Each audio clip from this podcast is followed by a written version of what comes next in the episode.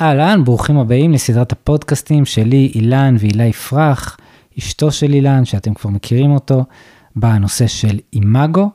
בפרקים הראשונים אנחנו עוסקים בתיאוריה של האימאגו, ובחלק האחרון של הפודקאסט אנחנו עוסקים בפרקטיקות של האימאגו וביכולת ליישם את התיאוריה של האימאגו בחיי היומיום שלנו ובזוגיות, וגם באופן שבו האימאגו מתכתב עם שיטת המובחנות. אז שתהיה האזנה נעימה. אתם מאזינים למסע אל הנפש, פודקאסט בענייני פסיכולוגיה, רגש ומערכות יחסים. אם אתם אוהבים את התוכן שאתם שומעים, מוזמנים לעקוב ולדרג אותנו בספוטיפיי, בגוגל פודקאסט, באפל פודקאסט, ביוטיוב ובכל הפלטפורמות. האזנה נעימה. אהלן חברים וחברות, ברוכים הבאים לפודקאסט שלי ושל אילן יפרח, מסע על הנפש. היום אנחנו עושים פודקאסט אה, נחמד וחגיגי עם אשתו של אילן, הילה, אה, שהיא גם ידידה שלי, והיא גם אה, החברה הכי טובה של אילן, ובגלל זה הם התחתנו ומטפלים ביחד בזוגות רבים. והיום רצינו בעצם לעשות אירוח משולש כזה, כי רצינו לדבר על הנושא של אימאגו. שזו שיטה שהולכת עם אילן והילה אה, בקליניקה שלהם כבר הרבה שנים. אז בואו נתחיל לצלול לתוך הנושא של אימאגו ונסביר מה זה אומר, וכמובן נביא דוגמאות מחיי היומיום ומהקליניקה. אז ברוכים הבאים לפודקאסט ושלום אילן. שלום. ושלום הילה. שלום, שלום, כיף להצטרף אליכם. היי, מקסים. אז יופי, אז um, קצת לפני שאנחנו צוללים לתיאוריה, אני רק רוצה שתגידו קצת uh, לי ולצופים, מה משך אתכם קצת לתחום הזה של uh, טיפול uh, זוגי. Uh, נשמע טיפול מורכב כזה, uh, טיפול uh, כפול ומכופל נראה לי, מבחינת uh, הדרמה שמתחוללת שם. האמת היא שאני לא יודעת להגיד מה משך אותנו, המציאות משכה אותנו.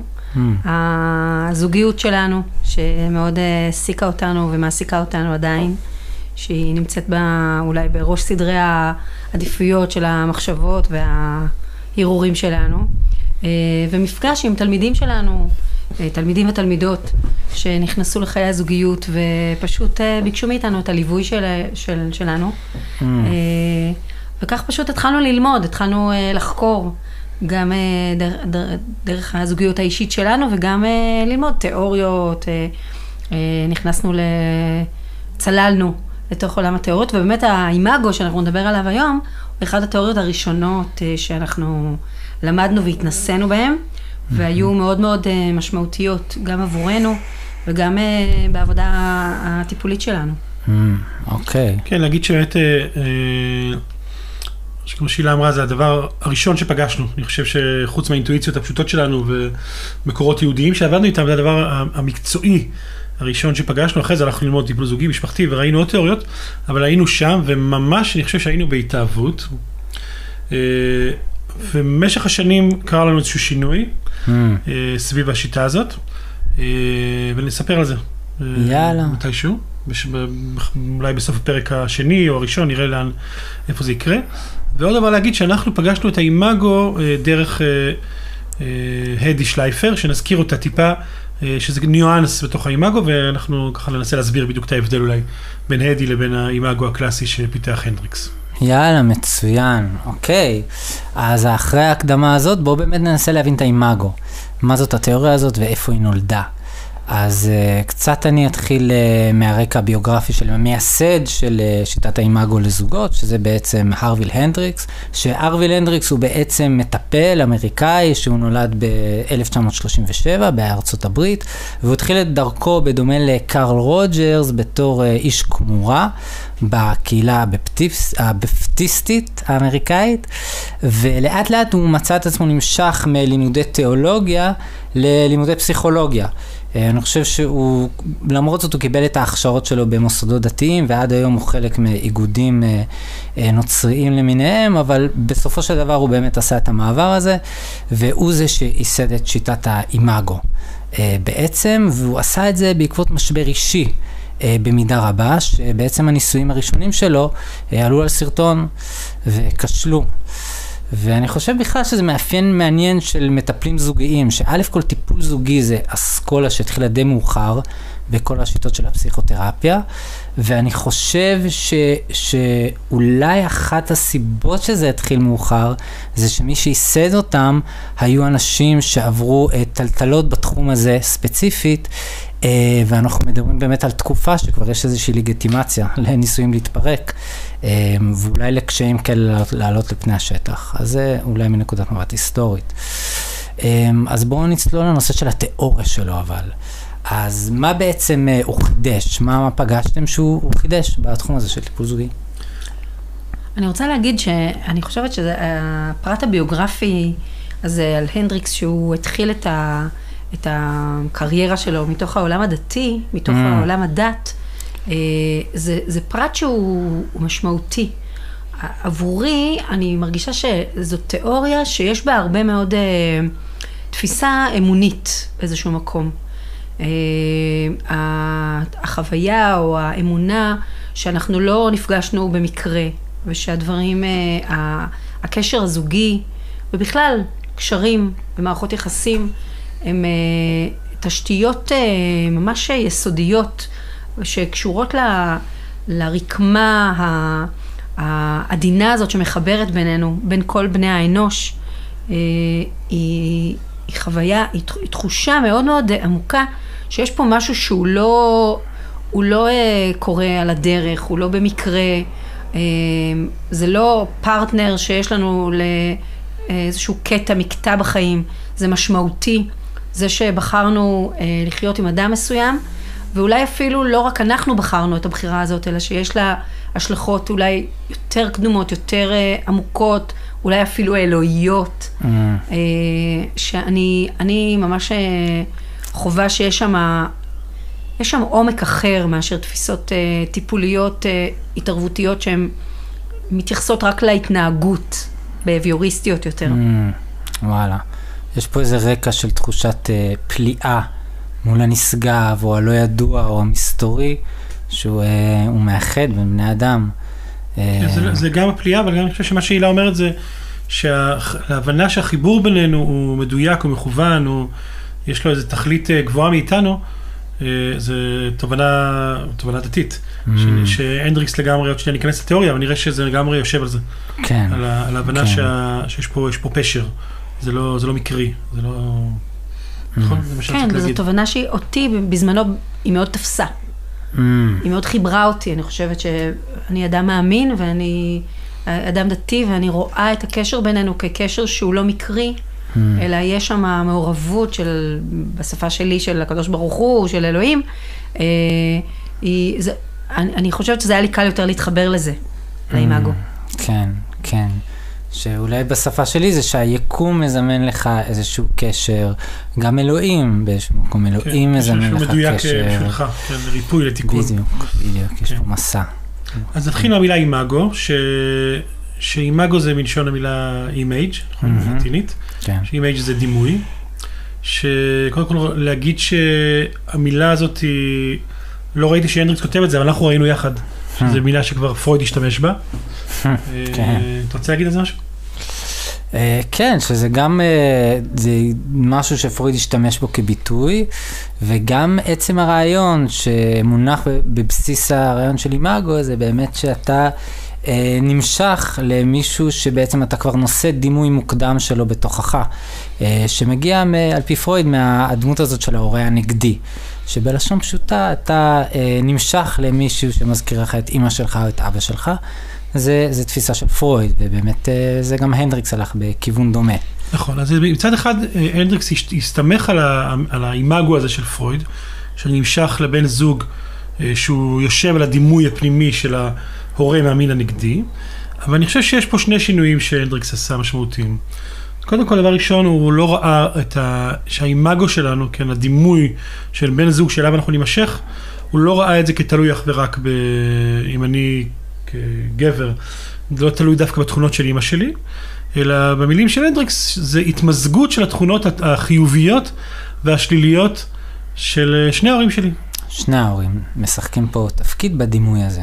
באימגו. והדימוי הזה יושב על, אה, באמת אה, על, על התבנית הזאת, שזה לא סתם איזה שינוי של הנדריקס מפרויד, כי פרויד באמת התפיסה שלו הייתה יותר, אה, אה, יותר מהמקום המיני, ולכן הוא ראה את זה כבן זוג מהמין הנגדי, כן? והנדריקס הוא שייך לאסכולה של אה, יותר היקשרותית, ולכן מבחינתו הדמויות המטפלות, הן מייצרות את, את הדימוי הפנימי הזה. זה לאו דווקא בהקשר אה, אה, של הבת שנמשכת לאבא שלה, או הגבר שנמשך לאמא שלו, אלא הדמויות המטפלות. אה, כשהן נארזות בחוויה הפנימית, Mm. כהדמויות הקרובות אליי בחיים. וכשאני יוצא לעולם ומחפש דמות קרובה נוספת, דמות היקשרותית, כן, שזה, בחרנו לדבר על האימאגו מיד שני, אחרי שני הפרקים על ההיקשרות, כי זה ממש המשך של הגישה ההיקשרותית, אני נמשך לבן זוג שהוא יושב על הדמויות ההיקשרותיות הראשונות שלי. מהמם. וזה זה דבר אחד ש, שקודם כל הוא שונה מפרויד, ו- ושינוי דרמטי יותר בעיניי אה, של הנדריקס מפרויד ו- ומקודמיו, זה שהוא, אפשר להסתכל על זה שאני נמשך לבן זוג אה, שמזכיר לי את ההורים שלי, ולקרוא לזה בשפה פרוידיאנית חזרה כפייתית. חזרה כפייתית, שזה מושג שפרויד הגה אותו, לדעתי, אה, תקנו אותי אם אני טועה, ברעיון שבן אדם הוא מוצא דרך לפגוע בעצמו. אם אני מבין נכון, הוא חוזר על דברים שהכאיבו לו בעבר. או הכאיבו או לא הכאיבו, אבל, אבל זה, זה, זה מנסה להסביר איך זה יכול להיות שאדם עושה דברים שלא טובים לו שוב ושוב, זה סתר את Mm. עקרון העונג. כן. המושג חזרה כפייתית סתר את עקרון העונג, והדרך של פרויד להסביר את זה, שיש פה צורך ל, לשמר, זה משהו שעומד מול הפחד מהמוות, וכשאני משמר את מה שאני מכיר, אני כאילו הצלחתי לברוח מה, מהפחד מהכיליון, כי חזרתי על מה ש... זה החזרה הכפייתית. מה שאני ככה, את. מה שאני מכיר. ואם זה מה שאני מכיר, אז זה מה שאני מכיר.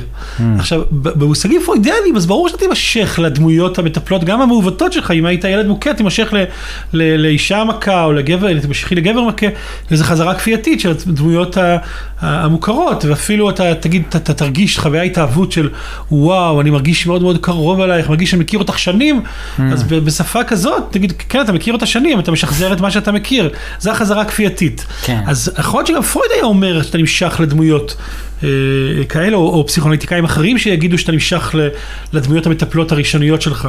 כן. אבל הנדריקס, הוא חשב שהסיבה שזה קורה, זה כי יש פה הזדמנות אה, עמוקה לריפוי. Mm, כן.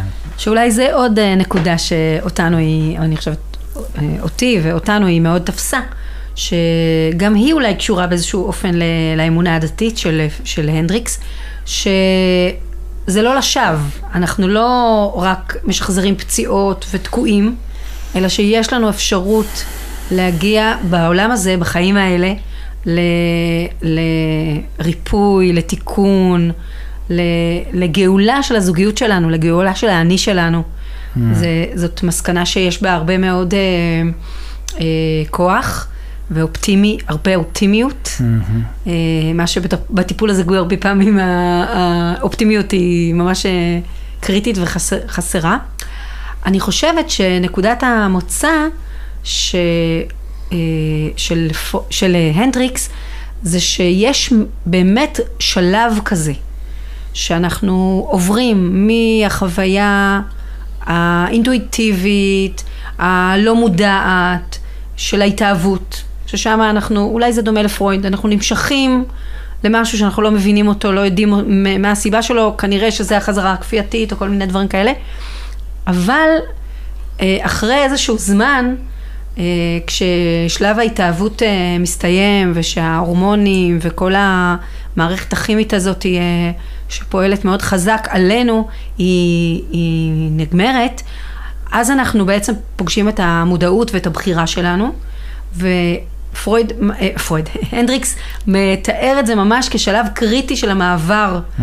מהזוגיות הרומנטית לזוגיות הבוגרת, לנישואים הבוגרים, אה, שבו יש לנו יכולת להסתכל על זה, להיות ערים לזה, להיות מודעים לזה ולראות אה, מה אנחנו עושים, איך אנחנו בוחרים מחדש בקשר הזה שהוא לא רק, Mm. הוא לא רק לא מודע, אלא הוא כן. הופך להיות מודע. Mm. כן. שם, שם מתרחש, אני חושבת, השלב הקריטי. Mm, mm, שזה בעצם השלב, ה- ה- ההתפכחות הזאת זה השלב של הגאולה בעצם. זה השלב שממנו אפשר להתחיל. להתחיל. לגאול להתחיל. לו, להתחיל לרפא, להתחיל לרפא. אני מעניין. חושבת. אז בתוך המבט הזה של, ה, של, ה, איך, של הייצוג הפנימי הזה, כן, של נגיד איזו Mm. שפה אחרת שאלזיק מתאר, שאתה הולך בעולם עם איזשהו סורק לא מודע, ש... ו, ופוגש אה, פרטנרים אה, או- אופציונליים לזוגיות, כן. והסורק הזה, ב... כן, לפעמים בשניות אפילו, הוא מזהה האם הדמות הזאת היא תואמת את האימייג' שלי. את כן. הדימוי של בן הזוג, בן הזוג שלי. ו... ואומר, זה תהליך לא מודע, הדבר הזה. אפשר. להגיד הרבה הרבה רשימות ו... והגדרות של מי אני מחפש. הוא אומר, זה יושב באמת באמת על, ה... על, ה... על האימייג' הפנימי, על הדימוי הפנימי שקשור ל... ל... להורים שלי. כן, אז אנחנו מדברים על סריקה מאוד מהירה, שתוך שנייה, אה, כמו בטינדר כזה, ש- שהיום- שעוברים שתי שניות, ונראה לי כל אחד יכול להכיר את זה, גם מי שמקשיב לנו על, ה, על הסורק הפסיכי הזה, שאתה תוך שתי שניות רואה, אה, זה ברור שלא, hmm, זה מעניין.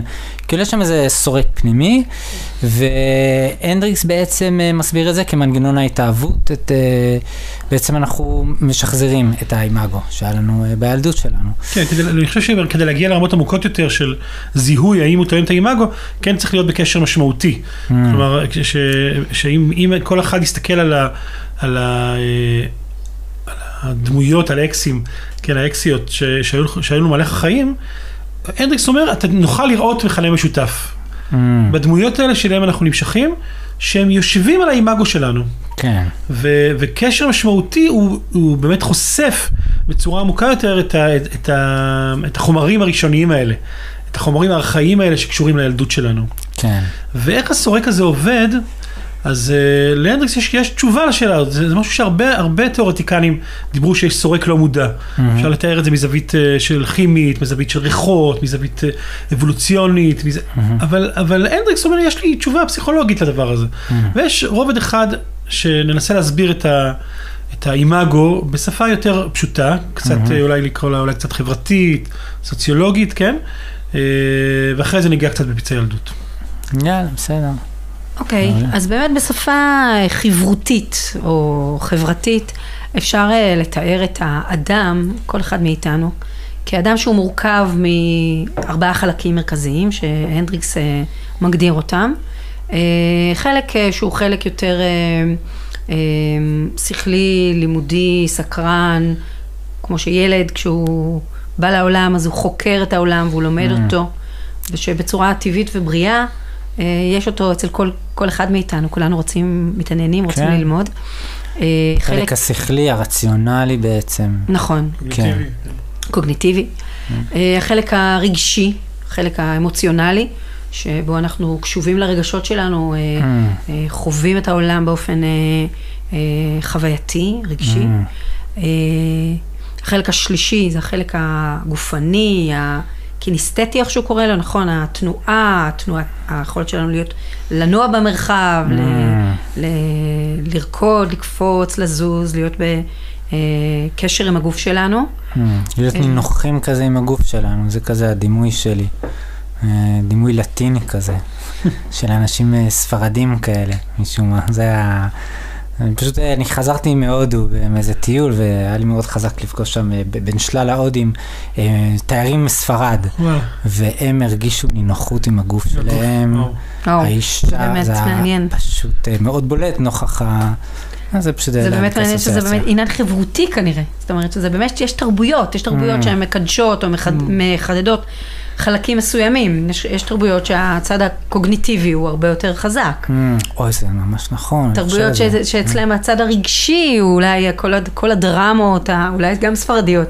וואלה. נכון, אה, טלונובלות כאלה שהן כן. מתארות את הרגש יותר חזק, ותרבויות שהן מביאות יותר את ה... מביאות לידי ביטוי יותר את הצד הפיזי, ה- Mm. הגופני. אה, והחלק הרביעי זה החלק פרקטי. הפרקטי, נכון, החיבור שלנו למעשה, בתכלס. אה, יש חלק כזה פרקטי בחיים. יש גם חלק אוקיי. פרקטי. אוקיי, יופי. כן. יפה, אילן, משלושתנו נראה לי אתה הכי יכול אה, לקבל, להחזיק את זה קצת יותר. אני מרגיש שאצלך זה. הכי פחות מודחק. זה מעניין, זה מעניין אה, מאוד. כי הנדריקס אומר שבאמת בתהליכי החברות שלנו, אני חושב שזה גם, מוש- גם מושפע מהורים, אבל אולי גם אפשר להגיד מאיזה, כן, יש, יש מול, אחד, אחד המתנגדים לתיאוריית ההיקשרות זה תיאוריית המזג, שטוענים שהאדם הוא לא רק uh, הפצעי ילדות שלו, אלא גם Mm. יש לו איזה מין uh, משהו שהוא נולד איתו. כן. בטוח שזה גם נכון. אז יש משהו בנו, שבאופן טבעי אנחנו, יש שני חלקים באישיות שלנו שהם יותר חזקים, ושני חלקים שהם יותר רצסיביים, אה, פחות דומיננטיים. כאילו שאנחנו מדחיקים חלקים מסוימים כן, איתנו. כן, כן, האנרגיית החיים. במהות, אומר הנדריקס, אנחנו, הדברים לא סותרים. ילד שגדל במרחב בריא, לא יודע אם יש כזה דבר, Mm. ברוך השם, אנחנו אה, כולנו פוצעים את הילדים שלנו, נדבר למה, למה זה כנראה הכרחי גם הסיפור הזה. Mm. אבל אה, במצב בריא לא סותר, אפשר להיות גם תנועתי וגם אה, לוגי, קוגניטיבי וגם אמוציונלי וגם פרקטי. החלקים לא באמת סותרים אחד את השני. Mm. אבל משהו ב, ב, ב, במסע החיים שלנו גורם לנו לקחת את אנרגיית החיים ולכוון אותה לשני חלקים ועל חשבון שני חלקים אחרים. אולי שווה לתאר קצת איך זה קורה באמת. שיכול להיות באמת שאני גדל אצל הורה, או שהוא מעריך את הצד האינטלקטואלי שלי, הוא לא מעריך את הצד הגופני שלי. אני חוזר הביתה בתור, לא יודע, במאה שערים, אבא זכיתי במדליה לריקוד בלט, זה לא אותה תגובה כמו שאני אקבל ברוסיה. אז אני לומד להגיד, אוקיי, על זה לא מוחאים לי כפיים, על זה כן. יאללה ביי, כאילו, מי צריך מאוד מהר אנחנו בלט? לומדים את זה כנראה. כן. בתור ילדים מאוד קטנים, אנחנו לומדים מה, מה מוערך בחברה שלנו, במשפחה Mm. שלנו, מה נחשב, במה שווה להשקיע את האנרגיה. כן. אבל במהות שלנו אנחנו צריכים או זקוקים לכל ארבעת החלקים. והנדריקס אומר שכשאנחנו מגיעים לגיל שבו אנחנו נמשכים כבר לב- ל- ל- לבני המין השני או לז- לזולת, אנחנו נחפש להשלים את האני החסר שלנו. ואת החלקים האבודים, החלקים שבעצם השלנו או, או הזנחנו במהלך ההתבגרות שלנו, אנחנו נחפש אצל הבן זוג. באופן לא מודע, אנחנו נשאף להתחבר. ובאמת אני חושבת שגם בסיפור חיים הזוגי שלנו, אה, זה היה מאוד, אה, מאוד אה, בולט. שאני גדלתי בסביבה, באמת ההורים שלי שניהם קיבוצניקים, אה, סביבה שמאוד העריכה או חיזקה גם את הצד הקוגניטיבי וגם את הצד ה- אה, פרקטי, אני מאוד מוער- מוע- מוערך החלק הפרקטי, ו, ואת החלק הרגשי פחות, פחות הייתי, אה, גם אולי הקוגניטיבי פחות, עכשיו אני חושבת על זה, אה, ומאוד נמשכתי, נמשכתי כנראה לאילן, כי היו בו חלקים שהוא הצליח לתאר אה, רגשות ומחשבות באופן שאני לא ידעתי, Mm, וזה הדליק אותי. mm. ומהצד שלי, כאילו זה באמת הדליק אותי, זה נשמע לי הזוי היום, הדליק אותי שכל מחשבה שהייתה לי על איזה, על איזה חלום שהייתי יכול להגות אותו, הייתי אומרת לי יאללה אז בוא נרים טלפונים ונקדם את זה, בוא נעשה את זה. וואלה. אפילו הדליק אותי שאת הולכת אה, אה, בדייטים, הולכת מהר. הולכת איזו הליכה כזאת, צחקתי לקרוא לזה הליכת, בוא נבנה יישוב, כאילו, בוא נבנה טרסה, כן? זה הדליק אותי, אמרתי, וואי, יש שם משהו כזה חי כזה שהוא... ועכשיו, הדבר הזה של, של השבת האני החסר, זה ממש כמו שאולי הזכרנו את זה, שכמו שאומרים שחולה, חולים שחסר להם, אה, ילדים שחסר להם סידן, הם מגרדים את הקירות, Mm, כדי, ו- ואוכלים את זה, כי הם מזהים באופן לא מודע שיש מה- איזה חומר שחסר להם. mm. אה, כן? אז גם פה, האימאגו הזה, הפנימי, הסורק הפנימי, מזהה את החומרים ה- החסרים לטובת ההשלמה. עכשיו, מה מגניב? כשאתה מסתכל, אתה אומר, וואלה, אני רואה אצלך, אה, אתה אומר, כאילו, אתה והילה מהמם. לא פרקטי ואני פרקטי. אני אמרתי את זה על עצמי, כי, לא, אבל קודם אמרת ש, שאני יותר מכיר את החלק הפרקטי. בך, כביכול. כן, אבל, כאילו... אבל התייחסת גם להילה שהיא פחות פרקטית? זהו, אני דמיינתי בראש שלי את הילה כיותר רוחני. זה רוחני, זה מגניב. זה מגניב, כי אני חושב שיש משהו ב, במסע החיים שלנו, שבאמת בתחילת הקשר, זה היה מובהק התפקידים. שאני הייתי ה... הרחפן, אה, נכון? ממש. הסטלן גם, בוא נגיד את האמת. ושירי כזה, ואת היית כאילו, קדימה, התחתנו כבר, הילה כבר שנתיים וחצי מעליי, היא כבר עבדה, היה לה משרה, כי אתה מגיע הביתה ואני הייתי ככה קם לי כזה בנחת שלי, או במקרה הטוב, או שהיא באה להעיר אותי אחרי שחוזרת מיום העבודה. כלומר באמת זה היה אישיו זוגי, ש, שאיך הדבר הזה שמאוד מאוד המשכנו אחד לשני, השבת האני החסר, השבת האני החסר, בזוגיות הרומנטית זה מגניב, אבל אחרי ההתאהבות זה נהיה, זה נהיה מאתגר. שזה באמת אה, מרמז על מה שדיברנו קודם, על המעבר הקריטי הזה משלב ההתאהבות לשלב הזוגיות המודעת, שפתאום אותם דברים שנמשכנו אליהם כל כך והיו אה, רומנטיים כל כך בשבילנו, הפכו להיות אה, ממש מטרד. Mm, ברמת ה... למה אתה לא כזה פרקטי כמוני? למה אתה לא תכלס? מה קורה? וואלה, וההפך. וואלה. למה את לא נותנת לי... לא עפה איתי כן. אה, למרחקים? כן. אבל זה מעניין, שאני חושב שבאמת בשנים הראשונות זה היה משבר. לאט לאט, משהו ב, ב, ביחד שלנו, שאולי נתאר איך, איך קורה הריפוי הזה, אני חושב שמשהו בי כאילו נפתח, אה, משהו בשריר הזה, בחלק הזה המנוון באישיות שלי, משהו בו, אה, האנרגיית החיים התחילה לזרום גם לשם. חזק. לאזורים הפרקטיים. אולי כאילו מה שאתה אני- אומר, Mm, סליחה. שבאמת יש השבה של האני החסר, באמת כן. משהו מתמזג Mm, בחיבור בינינו, שהדברים הם כבר לא כל כך נוקשים. המעברים בין להיות, אה, איזה, חס, איזה אני חסר לי ואיזה אני יש לך, ואיזה, מה יש אצלך, מה יש אצלי, אנחנו כבר איזה סוג של אה, ישות מתמזגת אה, ש, שזזה מפה לשם. אז שנייה, לפני שאתם הולכים לתיאורים האלה של הישות המתמזגת, באמת, שזה השלב באמת המורכב, אני רוצה להבין את השלב שבו זה מתחיל לעצבן. Mm. כי לכאורה התחלנו בסיפור יפה, הנה חסר לי חלק, איזה יופי, יש פה מישהי מעשית, אה, שאני לא הייתי מעשי, אז הנה סוף סוף מישהי שיכולה להשלים אותי. ואת באה מהצד השני ואומרת, וואו, מישהו שנותן אה, תוקף לרגשות ולמחשבות ורוחניות, אז איזה יופי, זה נשמע כזה מושלם. אז למה שיהיה תהליך של בעיות לכאורה? מה, מה הבעיה? כאילו, אחלה. כן, הפכים נמש- מתמזגים. בשלב מסוים זה הופך להיות בלתי נסבל. מדוע? זה, זה בעצם ה... והם חיו באושר ואושר, הפכים ביחד, מתמזגים. אני לא יודעת איך להסביר את זה, אבל באמת, האני החסר הזה, הוא, הוא לא סתם חסר.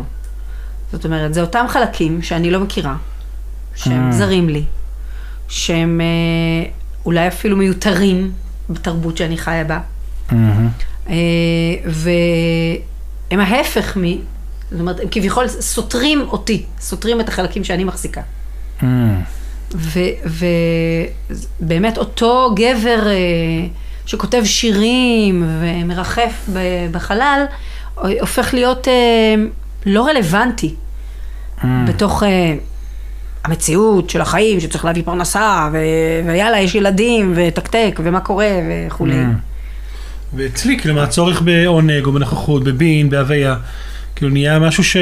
נהיה מטרד, התכלס, כאילו, התקתוק, הפרקטיות. זה הופך להיות, אה, זה בעצם אזורי, זה לא אזורי הנוחות שלנו. האני החסר זה כמיהה, יש כמיהה עמוקה, אבל המקום ההישרדותי שלנו לא רוצה לנוע, לא רוצה לזוז, רוצה להישאר מה שאנחנו מכירים. ואפילו מזלזל ב- במה שהאחר אה, האחר מביא. מהמם. וואו, זה, זה נשמע כאילו יש אה, שתי, שתי כוחות מנוגדים כמעט, אם אני מבין נכון. מצד אחד כוח שרוצה השלמה, רוצה משהו שהוא הוא לא כמוני, ומצד שני אתם מדברים כוח שהוא גם הישרדותי, או, או, או, או, הוא, הוא, הוא להפך, הוא לא רוצה את זה. אמ, ושתיהם פועלים פה בעוצמה, בעוצמה מאוד גדולה, בתהליך ההתאהבות. בתהליך התערבות זה, זה, זה עוצמה גדולה, בתהליך של הזוגיות המודעת, ההתפכחות, זה הופך להיות הקונפליקט הזוגי, Mm, כן? ש, שאותם חומרים לשפה של מטפלים זוגיים אה, פסימיים, או הסיבה שבגללה אתם תתחתנו, אותה סיבה שבגללה אתם אה, עלולים להתגרש, כן? זה, זה כן. אותו כוח, זה אותו כוח, כי הוא כוח אחר מכוח ה, ה, הבסיסי שלי. הוא מזמין אותי לאיזושהי גדילה. ו, ומשהו שכשהם יכולים לעשות זוגיות, להיות במוז, במודעות לדבר הזה, משהו שמתחיל מתחיל לנוע. אני לא חושב הילה שזה קרה מזה ש... כאילו, איך נפתח בי החלקים המעשיים של האישיות שלי? לא מזה שאני חי איתך ופתאום אה, למדתי דרכך, כאילו, איך, איך, איך, איך הסידן הזה, החומר החסר נכנס אליי? אלא ממה? אני חושב שהוא נכנס אליי מקונפליקט זוגי, מקונפליקטים זוגיים. ששיתפת אותי בתסכול שלך, פה נכנסים ממש לאימאגו, שיתפת אותי בתסכול שלך מזה שאני, שאת uh, חוזרת בסוף יום ורואה את הבית uh, מטונף. ואני אומר לך, מה זאת אומרת? ישבתי, כתבתי לך שיר מדהים, ובואי, סידרתי לנו את החדר לערב ערב רומנטי, ושמתי לנו אמבטיית קצף. את אומרת לי, זה לא מעניין אותי, כאילו, אני, את מרגישה שאתה לא רואה אותי, שאני, לא, שאתה לא רואה את העומס שלי. ומשהו בי לאט לאט, מתוך רצון לראות אותך. אה, פיתחתי את השריר המעשי כאילו בשבילך, כאילו בשבילך. אבל בעומק, כאילו נתתי מתנה לך, אבל בעומק נתתי מתנה לעצמי. כי דרך המכוונות שלי אלייך, אני חושב שפתחתי, חשפתי בתוכי את החלקים המעשיים של האישיות שלי. היום הם חלק ממני, אבל הם התחילו מקונפליקט זוגי והמוכוונות שלי לראות אותך. ונראה לי שגם, גם ה... אני, כמובן. אתה רוצה להגיד... כן, לא, בא לי שתגידי, כן. כן, ברור ש... כשלמדתי עד כמה זה חסר לך, הנוכחות וההוויה והיכולת שלי לשהות, עד כמה אתה נחנק במרחב שהוא רק של עשייה ורק של אה, טקטוקים ואולי אמ, נדבר בהמשך עד כמה זה גם יושב לך על פצע. Mm. אה, עוד יותר עמוק מאשר מה שדיברנו עכשיו, כן. ש... שאולי גם זה מזכיר לך את החוויה שלך כילד מול אימא שכל הזמן מפעילה אותך בפרויקטים ועניינים, אז אה, באמת אה, למדתי עד כמה המצרך הזה, או התנועה הזאת של ההתרחבות, שאני יכולה, אה, שאתה זקוק לה, של ההתרחבות אל הנוכחות, אל השהייה, אל ה... אל השהות, היא, היא קריטית, ומשהו בי נתן מתנה, ובעומק גם קיבל מתנה, לעצמי. זה מעניין, זו פעם ראשונה שאני ככה פתאום מבין את זה, שזה בעצם, השבת אני חסר היא... דרך החיכוך. דרך החיכוך, כן, זה לא כזה רומנטי יופי, מתחתנים, דרך החיכוך ודרך המכוונות שלי כאילו לבוא לקראתך. כאילו שאני עושה את זה בשבילך, כן? אה, אבל שמשהו, באמת זה מתנה כפולה. זה, מתנה, המתנה העמוקה יותר, אני חושב, היא המתנה שקיבלתי מה, מהתנועה הזאת אל, ה, אל, החלקים ש, אל החלקים שלך הם קריטיים. אוקיי, מעניין מאוד. תודה רבה. אז אני מציע שאנחנו נשים נקודה פה, ובפרק הבא אנחנו נדבר על החלק השני של תיאוריית האימאגו של הרוויל הנדריקס, שמדברת על פצעים התפתחותיים. אז ניפגש בפרק הבא.